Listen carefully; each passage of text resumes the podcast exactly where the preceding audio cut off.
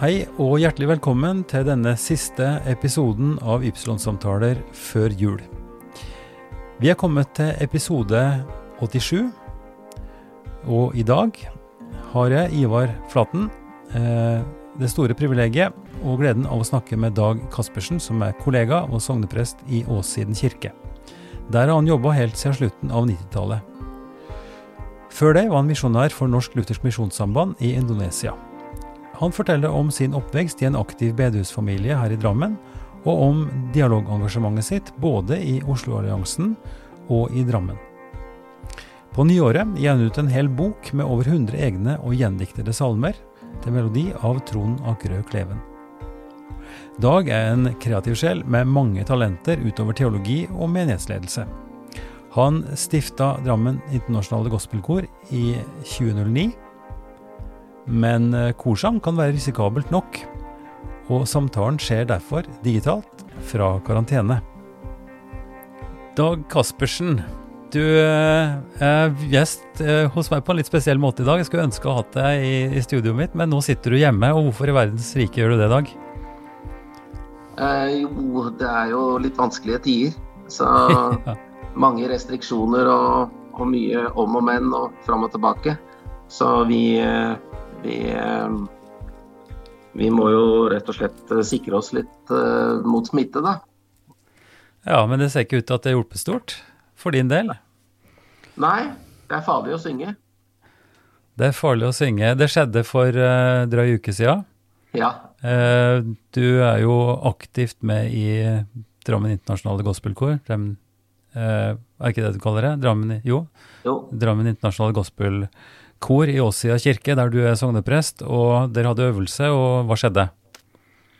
Nei, det, Vi har jo da fått inn en eller to som har vært uh, smittet. Det er veldig mange barn som har vært smittet. Og, og flere av våre sangere har jo små barn.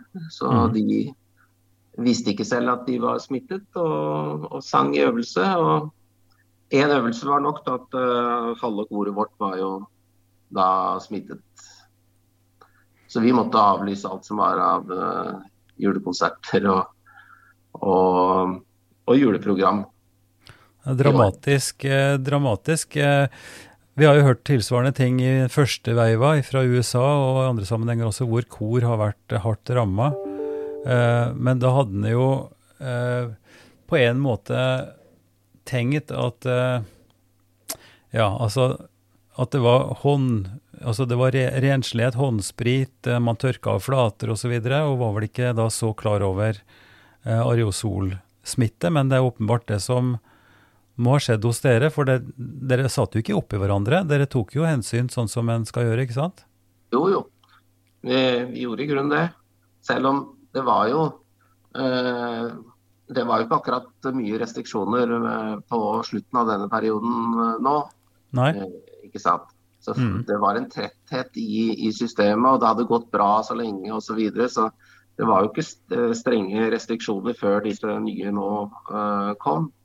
Og, og, vi ventet jo på at myndighetene skulle stramme inn litt uh, tidligere. Det ble ikke gjort, og smitten var på vei opp. Og, og, vi burde nok vært mer forsiktige, men det var jo ikke noen bestemmelser rundt det. da, Så vi, vi fulgte de råd som, som var, og, og gjorde det vi skulle og var forsiktige, syns vi. Men det hjelper ikke med en eh, meters avstand engang når man synger sånn som dette. Da fyller man rommet med, med smitte. Det er, eh, det er ganske Det går fort.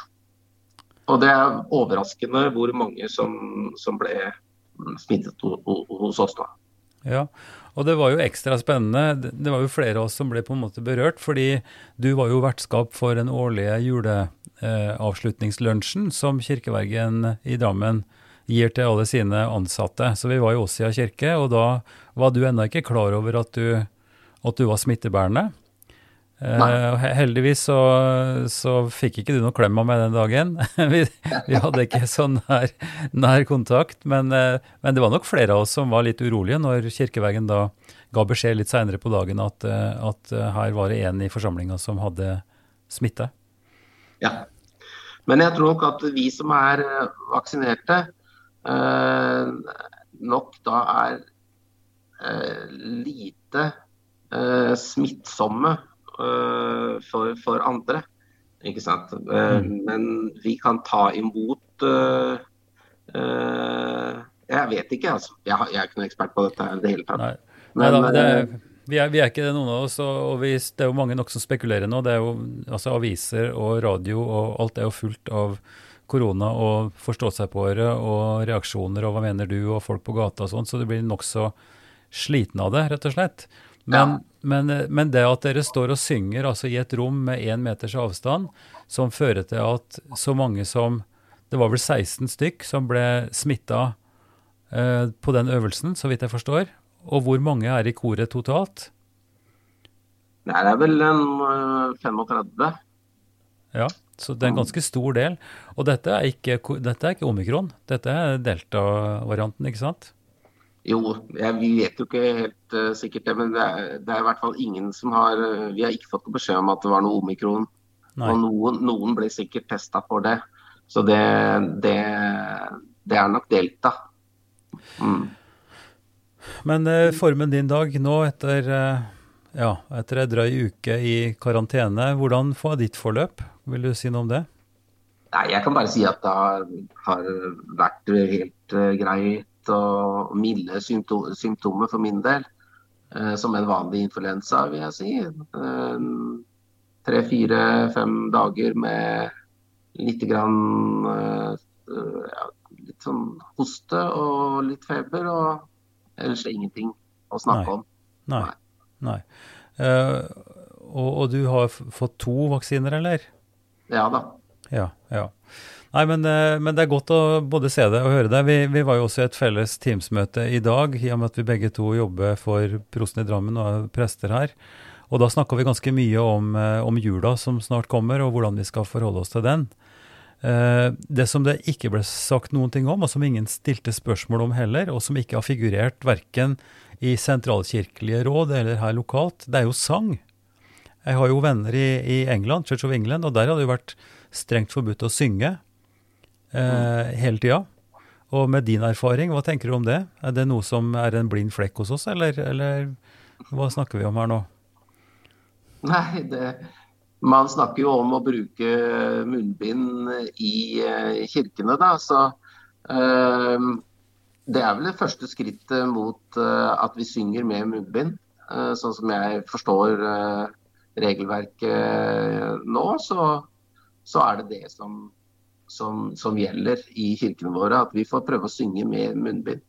Ja. Og det er jo helt vanlig ut i den store verden. Hvis du ser mm. på, på gudstjenester og forsamlinger, til og med kor som stiller med munnbind. Ja. For å prøve å å dempe noe av denne spredningen. Da. Og det kan være en uh, grei mulighet. Vi har ikke prøvd det ennå, men jeg tror kanskje det er det som ligger,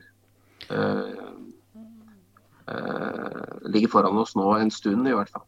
Ja, Det ser vel ut på de rådene vi har fått, at uh, munnbind skal være på, i, også i, i kirkene. Så, så, det får være vår oppfordring, kanskje, med din erfaring ferskt i minne, at, at det kanskje ikke er så så dumt at man, eh, at man, passer på det. Hvis det skulle være noen da som eh, uforvarende kom med, med smitte, så vil en beskytte seg på den måten. Ja, det vil nok uh, spres i noe mindre grad i hvert fall. Det er klart, Et munnbind hjelper jo ikke så uh, 100% men det vil antageligvis dempe noe. Uh, og vi kan jo ikke stenge alle rom bare fordi vi er redde for smitte. Vi er jo i en ny situasjon uh, nå, men vi må prøve å begrense dette så mye som mulig i samspill med, med de råd som vi har fått. da. Mm. Og, og historia di er vel sånn sett uh, litt oppbyggelig, fordi du, du har altså tatt vaksiner, og, og du ble smitta, og ditt forløp var som en influensa. og Det er vel noe av det vi ser for oss framover også, at det her er en smitte som har kommet inn, og at vi vil måtte ja, uh, måtte forholde oss til den framover i åra som kommer også. og og leve med det. Men forutsetninga er jo da at vi har fått den immuniteten som vi får ved vaksiner eller gjennomgått sykdom. Da. Så vi får bruke den anledninga også til å gjøre den samme masinga som våre foresatte ledere og sånn gjør også, at det er fryktelig viktig å, å, å vaksinere seg, rett og slett. Har du, har du personlig møtt noen som har, som har vært i opposisjon til, til, vaksine? Det er jo noen iherdige eh, sjeler som mener at det er både feil og gærent og ukristelig og osv. Har du vært borti det noe, Dag? Ja da. Det er eh, rett som det er at man treffer på mennesker med veldig sterke meninger eh, rundt eh, dette. Og antivaksineholdninger finner man i nesten alle miljøer. Så det er vel kanskje ikke så mye vits i å prøve å omvende de, men de som er i tvil, da, så må vi kunne anbefale å se at din historie peker i den retninga at det er smart å, å, være vaksinert. De fleste som nå blir syke, er jo blant den prosenten som da ikke har fått vaksine, viser det seg. Ja da, altså vi, vi som er mye i kontakt med mennesker og, og, og treffer og mange forskjellige slags mennesker i ulike miljøer og samtaler med de i forskjellig sammenheng, det, vi ser jo det, at, eh, at, mennesker som har gjennomgått denne sykdommen uten vaksine, de har altså blitt fryktelig syke, mange. Mm. Um, og sliter med ettervirkninger i, i månedsvis, i årevis faktisk, mange. Mm. Mm. Så, så, vår oppfordring er jo rett og slett uh, at, uh, at det, er, det er mange flere komplikasjoner rundt selve sykdommen enn det er eh, i det, eh, rundt vaksinen. Mm, mm, og mange ja. av de samme eh, symptomene også som man i en bitte liten prosentsjanse eh, kan få ved vaksine, får man jo i en mye større prosentsjanse eh, ved å gjennomgå denne sykdommen. Mm. Så det er jo ganske tydelig ut ifra de erfaringene jeg har i samtale med mennesker, i hvert fall, at uh, det er noen som angrer på at de, de, ikke tok vaksinen. Eller at de skulle gjerne hatt den, men da var den ikke tilgjengelig. Nettopp. nettopp. Uh, jeg tror det skal få være koronaavsnittet i dag, men det er naturlig å ta det opp fordi vi er så sterkt eh, prega av det, og at vi nå går inn i en fase hvor, hvor det er mye spenning. Eh, men kirkene er åpne, og vi håper at det vil forbli sånn. At eh, vi nå snakker om ca. 50 som har lov til å komme, og så får vi se. Men, eh, men kirkene er åpne nå i jula. Vi, Dag, vi, vi, er jo blant de som er nest, nestorer nå i Norske kirke i Drammen. blant de eldste av, av, prestene. Du i full stilling, altså som sogneprest i Åsia, og jeg for min del som, som dialogprest, og med en liten prosentstilling da i, i prostiet her som prest i Fjell hovedsakelig. Men eh, vi møttes jo i en sammenheng eh, hvor jeg var ganske fersk prest, og hvor det avværende prost, Astrid Baigan, eh, stilte et spørsmål til prestegruppa. Jeg vet ikke om du husker det, men jeg husker det veldig godt. Da var vi samla i, i, en samtale, hele prestegjengen, og så var det da ganske tett på eh, den, det arrangementet som hadde skjedd oppe på Fjell, hvor en gruppe fra moskeen inviterte til en, en samtale og en underskrift, en intensjon på samarbeid pga. konflikten da, som kom pga. profettegningene i 2006, på vinteren da. Og i følge, i etter, altså et, etter det så stilte prosten oss et spørsmål til prestegruppa. Er det noen av dere som kunne tenke seg å jobbe litt spesielt med religionsdialog og, og følge opp disse disse eh, initiativene. Og da var det to stykker som eh, rakk opp hånda og tok et skritt fram. Husker du hvem det, du hvem det var? Det var sikkert eh, deg og meg, det, da. det, var, det var du og jeg i dag. Ja, det var det. det, var det som, som syntes at dette var interessant. Og et, etter den tid så har det jo skjedd mye. Vi har vært sammen om, om ganske mange initiativ og prosjekter, altså med gjestebud og, og festivalarbeid og, og i Drammen Omvendt Tro Livssynsforum også. Men eh, hva, hva, husker du tilbake, og hva, hva, var impulsen din for å ta det skrittet fram? Eh, om du husker noe tilbake, eller vil reflektere rundt det? Jo, vi hadde jo snakket oss imellom eh, i presteskapet ganske lenge om at vi, vi trengte mer systematisk dialog i, i, i Drammen. Og jeg hadde jo eh, mange års erfaring eh, med slikt arbeid eh, andre steder. Før jeg kom til Drammen, da. Mm. I i uh, utenlandsarbeid, i kirkelig arbeid i, i andre land. Mm. Og så var jeg også nylig da blitt engasjert i Oslo på Menneskerettighetsinstituttet der fra 2004. I Oslo-koalisjonen for tros- og livssynsfrihet. Mm. og ledet en gruppe der som arbeidet med, med, med samarbeidsprosjekter mellom ulike religiøse foretak og forsamlinger og læreinstitusjoner i Indonesia. Da. Så jeg hadde en mm. del erfaring og sett hvordan dette ble gjort andre steder, og følte at dette er jo ikke mye arbeida med i våre sammenhenger. Og en majoritetskirke har et ansvar eh, eh, å engasjere seg og faktisk eh, fasilitere eh, slik dialog, føler jeg. Og mange, mm. mange religiøse samfunn andre steder eh, føler på samme måte. Ikke bare kirker. Eh, og det var bakgrunnen for at du da som, som prest i, i Åsia tenkte at dette kunne også være viktig i, i Drammen? Ja.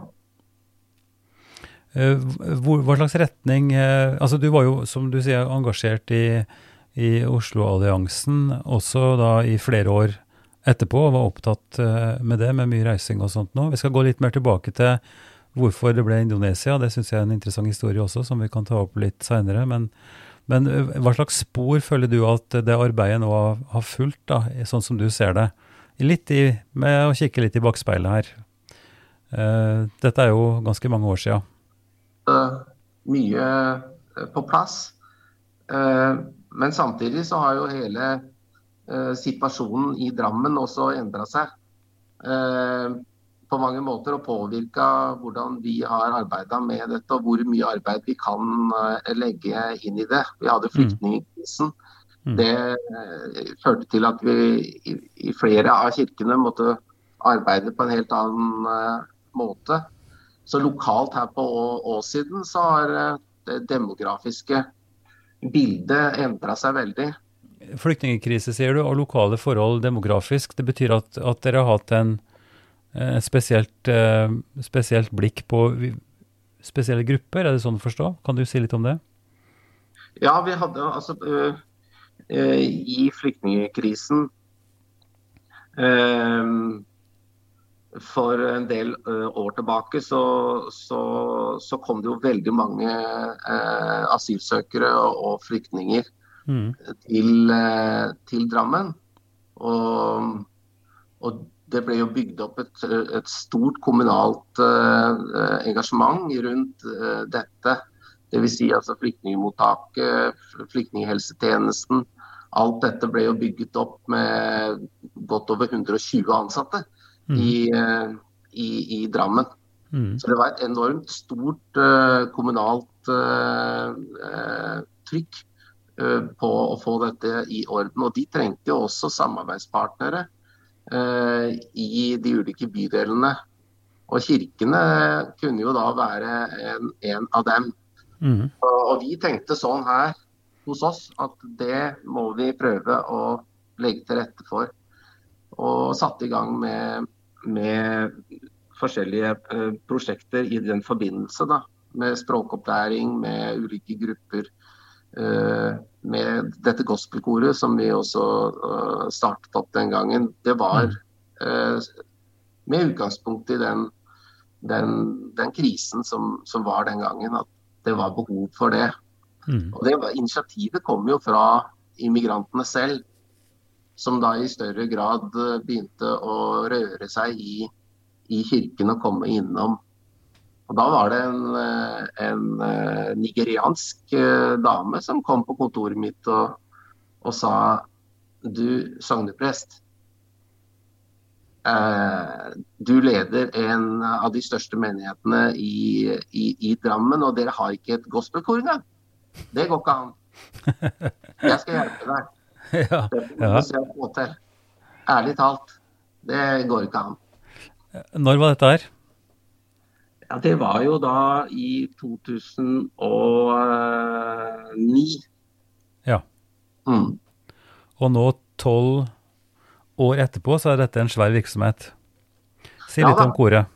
Det er en stor eh, virksomhet, men det er ikke så mange immigranter eh, nå som det var i begynnelsen, når vi tok inn sangere rett fra gata. Og vi hadde flere flyktningboliger rett ved kirken. De er lagt ned for lenge siden. Uh, så det er en helt annen situasjon som vi, vi står i nå, og det er mye vanskeligere å rekruttere eh, sangere til en, eh, altså med en, eh, en minoritetsbakgrunn. Da. Mm. Eh, inn i den eh, norske kirke. Men vi har ennå et tidsvindu, tenker jeg, til å forsøke å, å skape samarbeid da, eh, med, med, med immigranter. Mm. Ikke bare inn mot kristen sang og imot uh, kristne gudstjenester. Uh, men også i rett og slett uh, bare enkle møter mellom mennesker. Det er mm. mange som har behov for språkopplæring, og det har vi drevet med hele tiden. Ja, og det, det er det flere menigheter som har gjort. Og i, i Fjell menighet har vi gjort det, og gjør det fortsatt. Eh, i, i, en ganske stor grad. Det har vært faktisk en økning i det seinere, bl.a. med samarbeid med Forandringshuset hos oss. Ja. Hvor, eh, hvor, hvor, hvor, det er en viktig del, da, og hvor vi også har rekruttert eh, frivillige. Vi hadde en veldig, veldig flott sak nå hvor, eh, hvor, en av de tyrkiske som da først var frivillig, og som kom inn via Forandringshuset, faktisk fikk frivillighetsprisen i, i Fjell. Mm. for, for 2021 pga. sitt store engasjement i bl.a. med å hjelpe oss med filming osv. Så, videre. så det, det, er sånne type overlapp som er interessante, hvor en starter opp i et, uh, i et, litt forsiktig nivå, men hvor det blir ganske mye, og hvor en, hvor en får en link til folk da, som, som, ikke hører til menigheten sånn trosmessig sett, men som blir likevel en del av, av fellesskapet, som er utrolig givende og fint. Jeg vet ikke om det, Er det først og fremst kristne eh, immigranter dere har arbeid med? Det, I hvert fall ikke gospelkoret, vil jeg tro, men eh, generelt også? Ja, I gospelkoret så, så, er det jo stort sett eh, folk med, med en eh, kristen bakgrunn. Mm. Men, men uh, i andre sammenhenger, mer så sosiale sammenhenger med å samle, uh, samle folk til uh, bare rett og slett å spise litt sammen og, og bli litt kjent og sånn, så er det eh, folk fra alle mulige slags eh, eh religiøse eh, forsamlinger og, og slike mm, ting. Mm. Men Dag, jeg pleier jo alltid å grave litt i mine gjesters eh, bakgrunn og oppvekst og sånn. Jeg vet ikke om vi skulle spole helt tilbake igjen og så spørre hvem Hvor, hvor vokste du opp hen, og hva var bakgrunnen din helt fra barndommen av, Dag? Vil du si litt om det? Nei, altså Jeg er egentlig født rett oppi gata her ved Åsia kirke i Elias Kremersvei. Kremers vei. Så Men mm, min familie øh, flyttet ut til Åskollen når jeg skulle begynne på skolen, eller rett før det. Mm. Så jeg vokste opp ute i, på, på Solumstrand på Åskollen. Mm. Ja. Kirkelig interessert familie, eller? Ja, det må man jo si. Altså, det var uh, mine foreldre uh, veldig aktive uh, kristne mennesker som samlet barn og unge hjemme til andakt og til sang og musikk og leir. Ja. så jeg vokste jo opp med med, med kristen forkynnelse og med kristne samlinger uh, ukentlig. Ja. Og flere ganger i uka. Men da Så høres det ut som eh, foreningskristendom, eller altså en organisasjonskristendom. Eh, Ja. Ikke kun kirke, et bedehusrelatert opplegg. Si, Det var si bedehuset på, på, på ut på, på Salem, på Ja. Glassverket. Mm. Ja, ja. Mm. Eh, Sambandet, eller? Ja, mye Sambandet. Eh, som, og Nøstodden Indremisjon. Men eh, det var, eh, det var eh, De kristne organisasjonene sto veldig sterkt der, der ute. Mm. Så det var bakgrunnen min, og som gjorde at jeg måtte prøve å finne ut av, av dette med, med tro og teologi. Da var interessert i å forstå min egen bakgrunn. Mm. Så jeg måtte, måtte grave litt mer i det. Og, Mm. og finne ut av hva som drev mine foreldre, da, og, og hva som hadde preget min barndom og ungdom. Eh, og det betyr at du, du gikk videregående skole og etter hvert også begynte å løse teologi. Eh, hvor, hvor, si litt om det, utdanninga di. Ja, altså jeg mm, eh, var jo litt i opposisjon da, i, i disse årene til den type kristendom som jeg selv hadde fått uh, smake på. Uh, Si, si, så- si litt mer om det også. Hva, hva var grunnen til det? Altså, Jeg kjenner meg veldig godt igjen, så jeg kunne godt si litt mye om det, om det sjøl også, har gjort det. Men, men hva er det som skaper den motstanden? Alle unger skal jo frigjøre seg fra foreldre, så det er kanskje en sånn helt grunnleggende impuls, men det er vel litt mer enn det også? Ja, det er jo disse, disse absolutte Den veldig konservative eh, holdningen som man møter i en del av disse miljøene som jeg har eh, stått i, da. Eh, som gjør at man sånn, får et, intellektuelt problem, liksom. Når man begynner å, å, å komme opp i ungdommen med hvordan man forholder seg til, til hellige tekster. Mm. ikke sant? Mm. Og når man begynner å lese og se hvordan andre også bruker disse tekstene mer eh, hva skal vi si, eh, som litteratur og som, eh, som poesi, eh, og eh, hva som blir stående i sentrum, da. Altså tolkingsmulighetene og, og alt dette rundt eh, disse tekstene, syns jeg ikke at eh, vi ble presentert på en god måte når vi var unge. Det var liksom hellig skrift, ferdig med det. Mm. I alle mulige slags uh, bauger og kanter. Og da, da ble det uh, litt tvangstrøye da, i enkelte ting. Mm. Men samtidig så var de veldig flinke med, med barn og ungdom og hadde en entusiasme og et forsvar mot oss. Og også en kritisk holdning til eh, mye av det som ble sagt. Jeg kan huske at våre frivillige, mine foreldre ikke minst, gikk inn og stoppet mange eh, predikanter. eh, og irettesatte dem. Eh, at sånn snakker ikke det, du til våre ungdommer. Dette går over streken. Dette er ikke riktig. Og, og det hadde med fordømmelse eller eh, altså eh, frelse fortapelse å gjøre? Du, eller kan du konkretisere hva de reagerte på av, av sånne ting? Ja, det var jo, eh, hva skal vi si, overdrevent sta eh, utleggelse eller tolking av eh, eh, ja, det etiske eh, retningslinjer, musikksyn, Ja, ja eh, hva man gjorde på fritiden osv. Skape dårlig samvittighet hos barn og ungdom. Mm.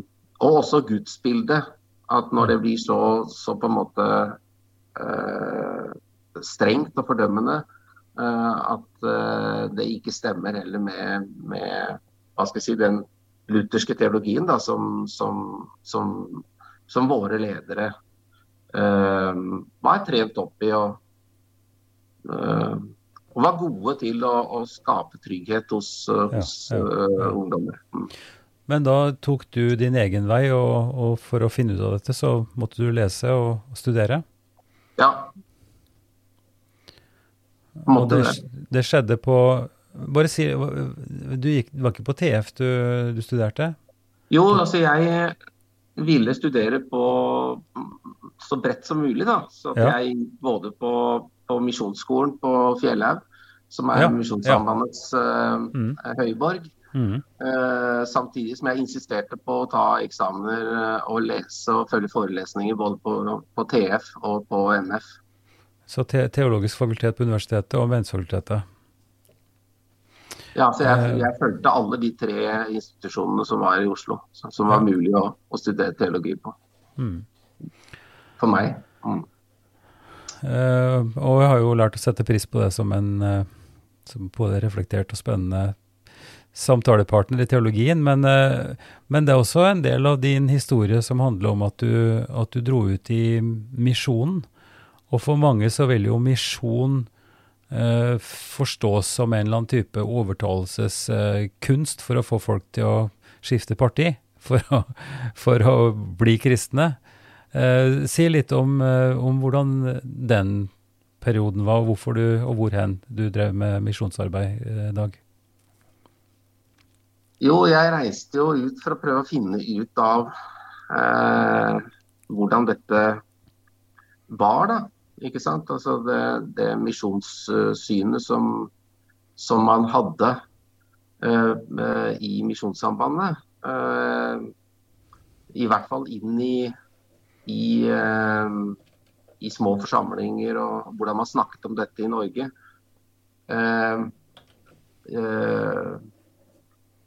Når jeg reiste ut, så, så, så fant jeg jo ut Uh, og hadde mistanke om det allerede før jeg dro, at det kanskje er noe mer nyansert enn en som så. At vi uh, vestlige uh, privilegerte skal komme liksom med, med, med, med svar om, om, om, evigheten til, til, til, til mennesker i andre land, det, det det opplevde jeg absolutt ikke stemmer noe særlig.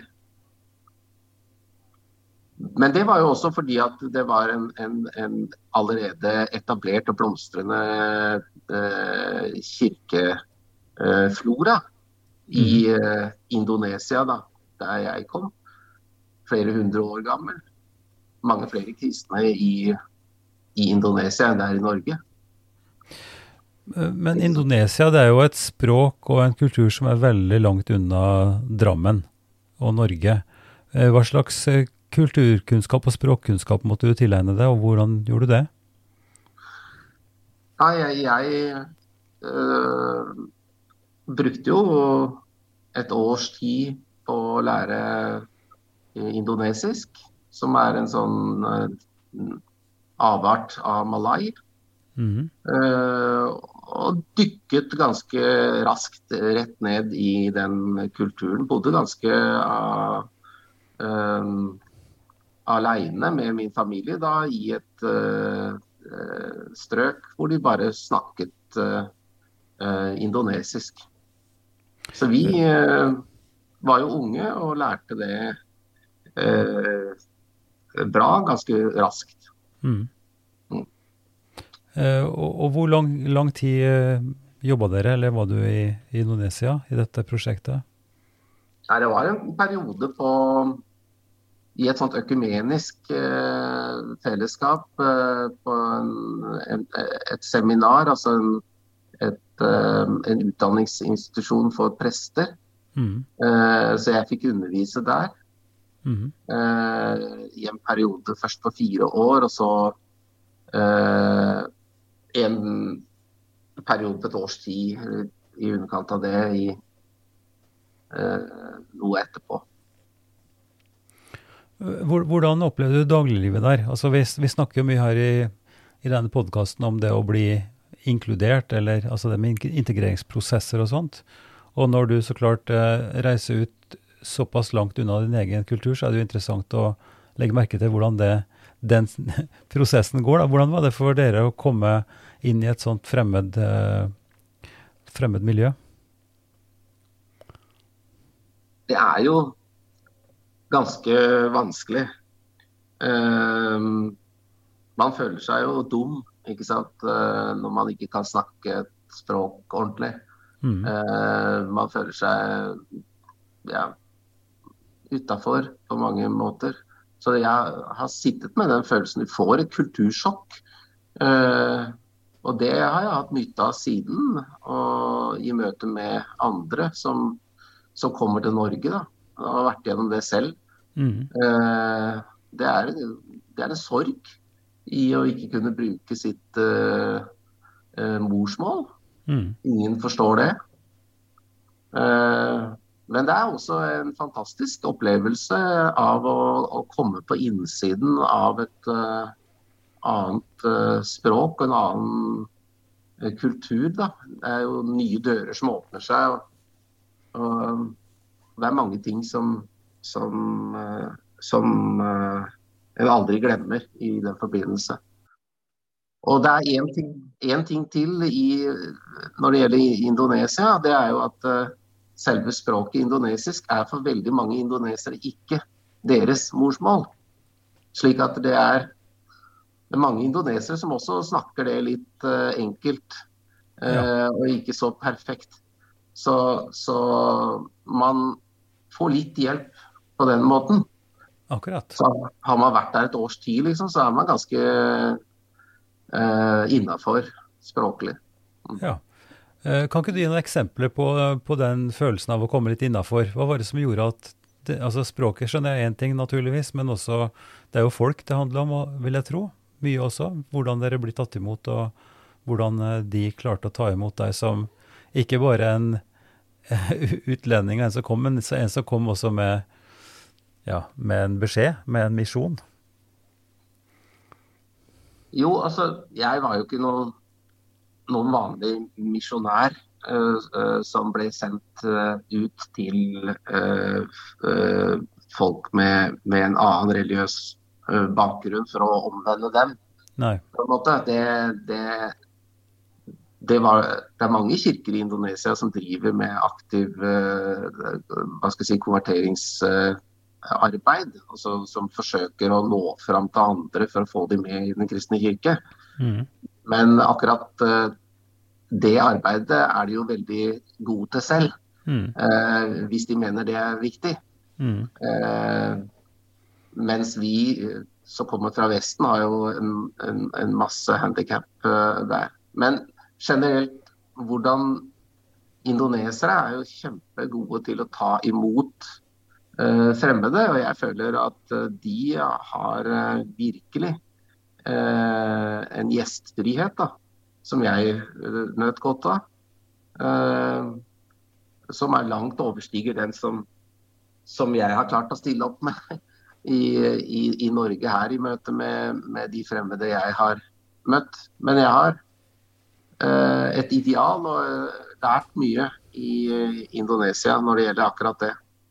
Det handler om måltidsfellesskap, det handler om tid sammen. Det handler om eh, eh, hva man setter liksom først. Da. Og der, der syns jeg de, de eh, i, i, kirkene der nede virkelig eh, hadde en praksis da, som, som lyser. Mm. Eh, og du, dere gikk i, i, en menighet, altså en, en kristen kirke da mens dere bodde der antagelig? Og det var, ja, men, nå, det, var det, det var, der du også fikk den først og fremst den følelsen eller den opplevelsen, eller var du også involvert direkte i private uh, hjem osv.? Ja, er også ute i landsbyen der vi bodde, så, så der, der, var det jo ikke bare kristne, men eh, stort sett muslimer. Mm. Eh, men ingen forskjell på det. Veldig vennlige og interesserte mennesker. Inkluderende på alle måter. Mm. Uh, indonesisk mat uh, kjenner jeg jo litt til, men det er også et eget kapittel med veldig mye god, god og interessant mat, ikke sant? Jo, jo. Og jeg lager det ennå. Uh, og er veldig glad i det. Hva er, hva er favoritten, da? soto ayam. Fortell, hva er det for noe? Ja, det er jo en, en slags gul Altså kyllingsuppe, på en måte. Ja. Med, med, masse forskjellige slags ingredienser da, som man uh, skal ha uh, ved siden av og rundt den. Komplisert og tar lang tid å lage. Det er et sånt dagsverk. ja. høres, høres, bra ut.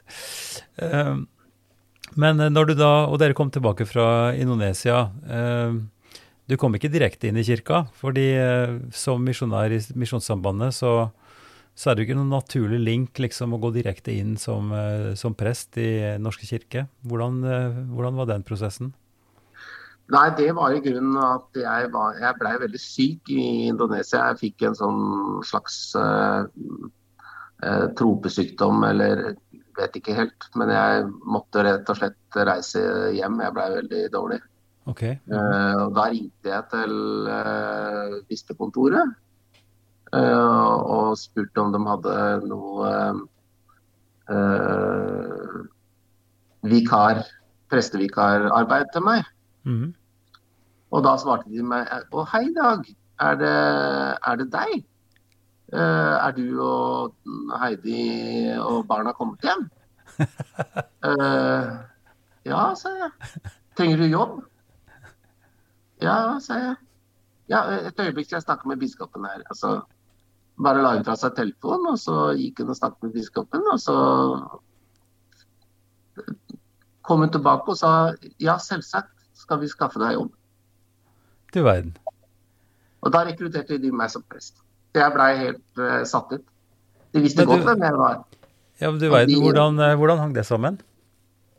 Nei, Det fant jeg ut seinere, når jeg var uh, i presteforeningen i, i prestenes fagforening. da, og og ofte møtte biskopen der nede på, på, på, kontoret etter at jeg var blitt ordinert og ansatt.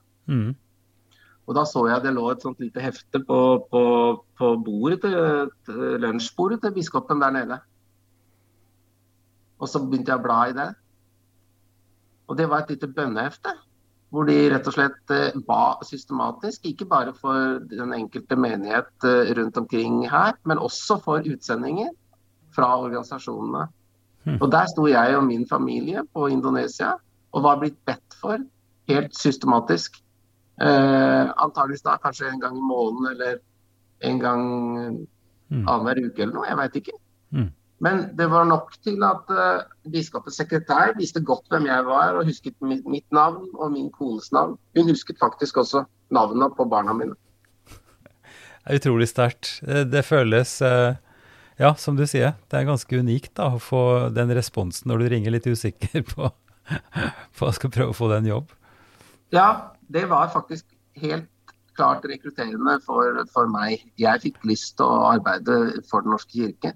For jeg, for jeg følte Altså, det var veldig bra eh, personalpolitisk, da, holdt jeg på å si.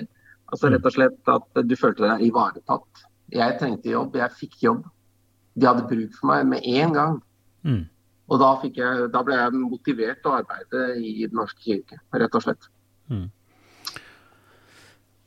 Det, det, er jo litt forskjellige historier der, vil jeg tro, på hvordan eh, en har blitt tatt inn i kirka. Nå er det jo et stort behov, så dette kan jo kanskje brukes som en slags rekrutteringsappell også. At det, det, er en, det, er en, veldig interessant jobb, og det er behov for, eh, for folk eh, av forskjellige slag som kunne tenke seg å jobbe i, i kirka. Hva, hva syns du er det mest givende i, i din praksisdag? Eh, hvis du skal se litt eh, tilbake på de åra. Det, det, er ganske mange år du har jobba i kirka nå? Ja, er siden 98. Ja. Eller 97, da, hvis du regner med, med vikararbeidet i begynnelsen der. Mm. Mm. Nei, jeg syns det er det allsidige, altså det, det, å møte mennesker i ulike kirkelige handlinger. Mm. Uh, men også å få lov til å, å, å bruke de kreative eh, evnene da, og, eh, som, en, som, en, har, og den erfaringen erfaringen en har, som jeg har fått bygget opp da, gjennom de årene også ut, i, i, kirkelig ut, utenlandstjeneste. Mm. Uh, at de har bruk for den i, i, i kirken og oppmuntrer oss til å bruke oss selv kreativt. da. Det syns jeg har vært givende, og er givende. Ja, og da er det så klart det viktige stikkordet for meg til å, å kunne si at du jobber sammen med Trond Akerø Kleven, og har gjort nå i ganske lang tid, med å utvikle både oversettelser og nye tekster og, og salmer, eh, som snart blir rett og slett ei hel salmebok. Det er ganske unikt. Det er, ikke mange som, det er ikke mange som gjør. Så der har du fått bruke både tid og krefter på en måte som eh, gir mening for mange. Jeg har hørt mange av salmene og, og gleder meg til å lære flere. Jo, det er jo en Det er godt at ting ikke står helt stille. da, sånn at det er stadig noe øh, nytt. Det er mange måter å være kreativ på. Eh, men det, det, det, det er jo med å farge arbeidssituasjonen og gjøre det interessant og, og spennende å få lov til å, å, arbeide. Og salmer og sanger, da. Sånn, så er jo kulturelle uttrykk som Kirken øh, må fornye hele tiden. Mm. Eh, det har vi jo sett eh, Eh, har jeg sett ute i, eh, i, eh, i, i kirken i Indonesia f.eks. Levende musikkliv med helt andre tradisjoner enn det, det vi har. At det lever og, og, blomstrer. Og det er viktig at det skjer også i, i, i Den norske kirke, og det gjør det jo. Altså, det er veldig mye sang og musikk i, i kirkelig sammenheng. Og det, det har jeg fått stå i nå i, i de siste tre-fire årene sammen med, med, med Trond Akerø Kleven, da, som er ansatt som, som kirkemusiker her i menigheten i mm. Åsiden. Mm. Mm. Man kan vel si at det er en, en, kjernestrøm, eller kanskje en av de store søylene i, i Luthers kristendom. Det er jo nettopp sang og salmer. Salmeboka er utrolig sentral i, i gudstjenestene våre. og, og vår store kirkefader Luther skrev om masse salmer og, og, og, lekte seg med musikk, også med moderne musikk. Ja. Eh, og det, det jo, Derfor er det jo tradisjonsbæring i, i beste forstand, samtidig med en, den kreative impulsen til å finne språk, begreper, eh, bilder som, eh, som kan formidle den kristne tro da, på forskjell, og engasjement og, og kall til tjeneste osv.? Ja, det er tradisjonsbæring, men det er samtidig også tradisjonskritikk i, i, i salmene. Det er hele tiden um, altså, Når nye salmer kommer, så står de også i en sånn slags intertekstuell uh, sammenheng. Man, man, snakker med Eh, de eldre tekstene, men man, man tar videre noe av det. Og så er man også kanskje da kritisk til annet av, av det. Luther var det. Han mm. laget motsalmer. Mm. Altså rett og slett eh, eh, diktet om eldre salmer eh, med en teologi som han syns var mer saksvarende eh, og, og, riktig. Eh, og, og, og på den måten så fornyet han jo også da eh, salmene. Og menighetssangen. Og, og, teologien kanskje også? Eh, ja, absolutt. For det, det, er jo eh, Jeg vet ikke hva folk flest opplever, men det, men det er klart det er jo prestens rolle og prekenen som ofte har blitt og auditorieoppsettet i kirka vår. ikke sant? At du sitter på stoler og skal høre på presten. Men, og, og, jeg vet ikke i hvor stor grad folk eh, knytter seg til salmer. Vi er jo glad i de gamle salmene. Men det å, å, å være våken for salmetekstene og, og, hva de formidler også, så er jo det en veldig, veldig viktig del av både bønnene og ja, prekenen, rett og slett. Eller, eller, det grunnlaget som den kristne tro består i, som blir formidla gjennom gamle og nyere salmer. Absolutt. Og når det da skjer en sånn magisk sammensmeltning sant, mellom en, en, en, en, god ny tekst og en, god melodi, så lever jo dette ofte mye lenger enn det vi gjør. Uh, så det det er jo det spennende mm. med, med slike ting. Altså En preken er på en måte borte ganske fort, ikke sant. Mens, eh, mens eh, en salme kan leve mye, mye lenger hvis den, hvis den er god, da, eller blir brukt. Og det er jo spennende når man lager nye ting. Jeg og Trond skal ut i 105 nye salmer nå i, uh, over, over uh, nyttår. Så det blir spennende å se hva, hva som kommer ut av det. det, blir, det, blir, veldig spennende. Og står jo, dere står jo en uh, sterk tradisjon da, i, i, Norge med Snorre Svein Ellingsen, som kanskje er den store nestoren i sånn moderne tid, men Eivind Skeie og Gerd Grønvoll Saue og det er mange av de som, som har levert tekster og, og, og, også sanger som nå står veldig sterkt i, i kirka. Så det blir spennende på neste salmeboksrevisjon, da, Dag, hvor, hvor mange av, av, dine egne tekster Men du har også oversatt en god del, bl.a. av Iben Krogs, Krogstoft, eh, Krogstoft, er det den heter? Nei, Krogsdal er det. Ja, ja, Iben Krokstad. Ja, ja. Mm. Danske store um, salmedikteren som vi har veldig god kontakt med nå, mm. og er stadig di uh, dialog med. Mm. Mm. Uh, og Lisbeth Smedegård Andersen. Uh, Hans Anker Jørgensen. Det er danske diktere, dette. Johannes Møllehavet som nettopp døde nå, har vi mm. vært i kontakt med og fått godkjenning av. Mm. Uh, og flere andre. Helle Søtrup. og også engelske, som Anna Briggs og, og en og annen tysk og litt spansk og litt forskjellig. Mm. Ja. Ja. Spennende. dere, har brukt, dere har brukt koronatida godt, tror jeg. Det starta sikkert godt før det, men, eh, men, det skal bli veldig spennende som sagt, å se hva som kommer ut av det. Og, og, og at, at, vi også som eh, menigheter og syngende folk i kirka har appetitt på nye ting. Det, det har vært en sånn litt sånn sjablong at, eh, at en vil helst ha de gamle, at folk blir fortvilt over at man ikke har de gamle salmene osv. Fordi det er knytta så mye tradisjon og gode følelser til det man har lært før og, og kan.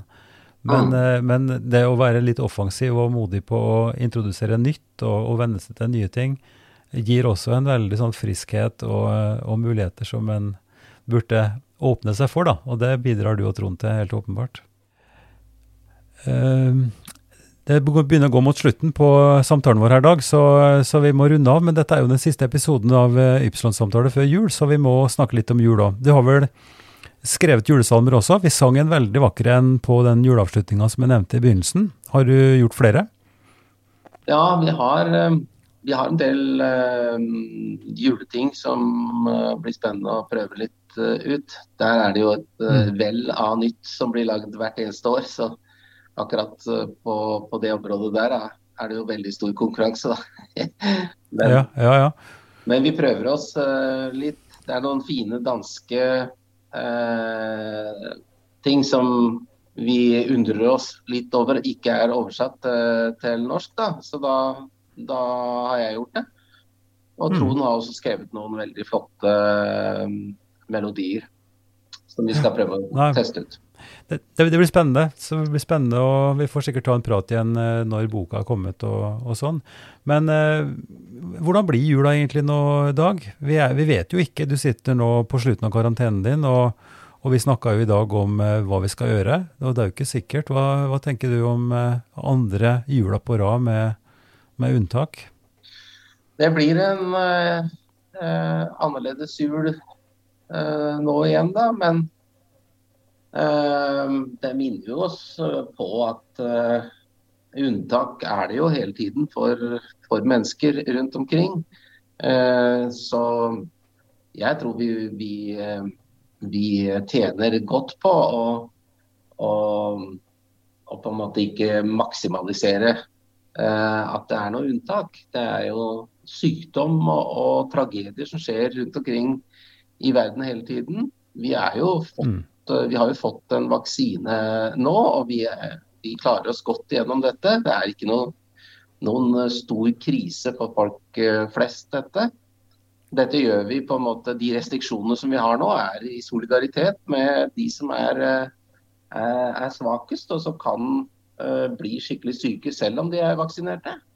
Eller at de mm. ikke kan vaksineres av en eller annen årsak. Så dette er et løft vi gjør sammen. Så jeg syns jeg gleder meg til jul allikevel, selv om det er en del restriksjoner på hvor mange som kan møtes i, i kirkene. Det blir jo en litt dempet feiring, uh, men det kan bli fint allikevel. Det tror jeg også. Uh, hva blir, hva blir eh, opplegget i, i Åsia? Dere skal ha flere kortere, eller hvordan gjør dere det? Vi legger opp til to gudstjenester. Jeg tror det klarer seg. Jeg tror kanskje ikke at det er så fryktelig mange som uh, Det vil være mange som vegrer seg litt grann å komme sammen. Så jeg mm. tror ikke vi har behov for å legge opp til en fire tre-fire gudstjenester i, på den dagen allikevel. Jeg, tenk, jeg, tenker det klarer seg med, med to gudstjenester. En klokka fire, to og en klokka fire. Og så kan man spre det litt utover juledagene. Det er ikke bestandig like godt besøkt på første og andre dag. Så hvis en tenker at uh, en kan vente litt, så kan man jo gå en av de andre dagene. Hmm. Mm. Ja. Nei, men Dag, eh, fortsatt god bedring. Takk for en veldig hyggelig samtale. Og riktig god jul til deg og til dine. Ja, og riktig god jul til deg også, Ivar, og til alle som hører på eh, dette programmet. Det er jo Eh, kjempefint at eh, dere lager slike aktuelle programmer. God jul, alle sammen. Nå har du hørt den siste ordinære episoden av Ypsilon-samtaler denne andre sesongen. Navnet mitt er Ivar Flaten, og Ypsilon-samtaler gis ut av Kirkelig dialogsenter i Drammen. Podkasten støttes av Drammen kommune, av Barne- og familiedepartementet og av Einar Juels legat. Det er veldig mange interessante personer å snakke med, og mange interessante temaer å ta opp. Derfor ber vi igjen om innspill og forslag som du kan sende til Ivar, krøllalfa, kirkeligdialogsenter.no, altså på e-mail, e-post, ivar at kirkeligdialogsenter.no.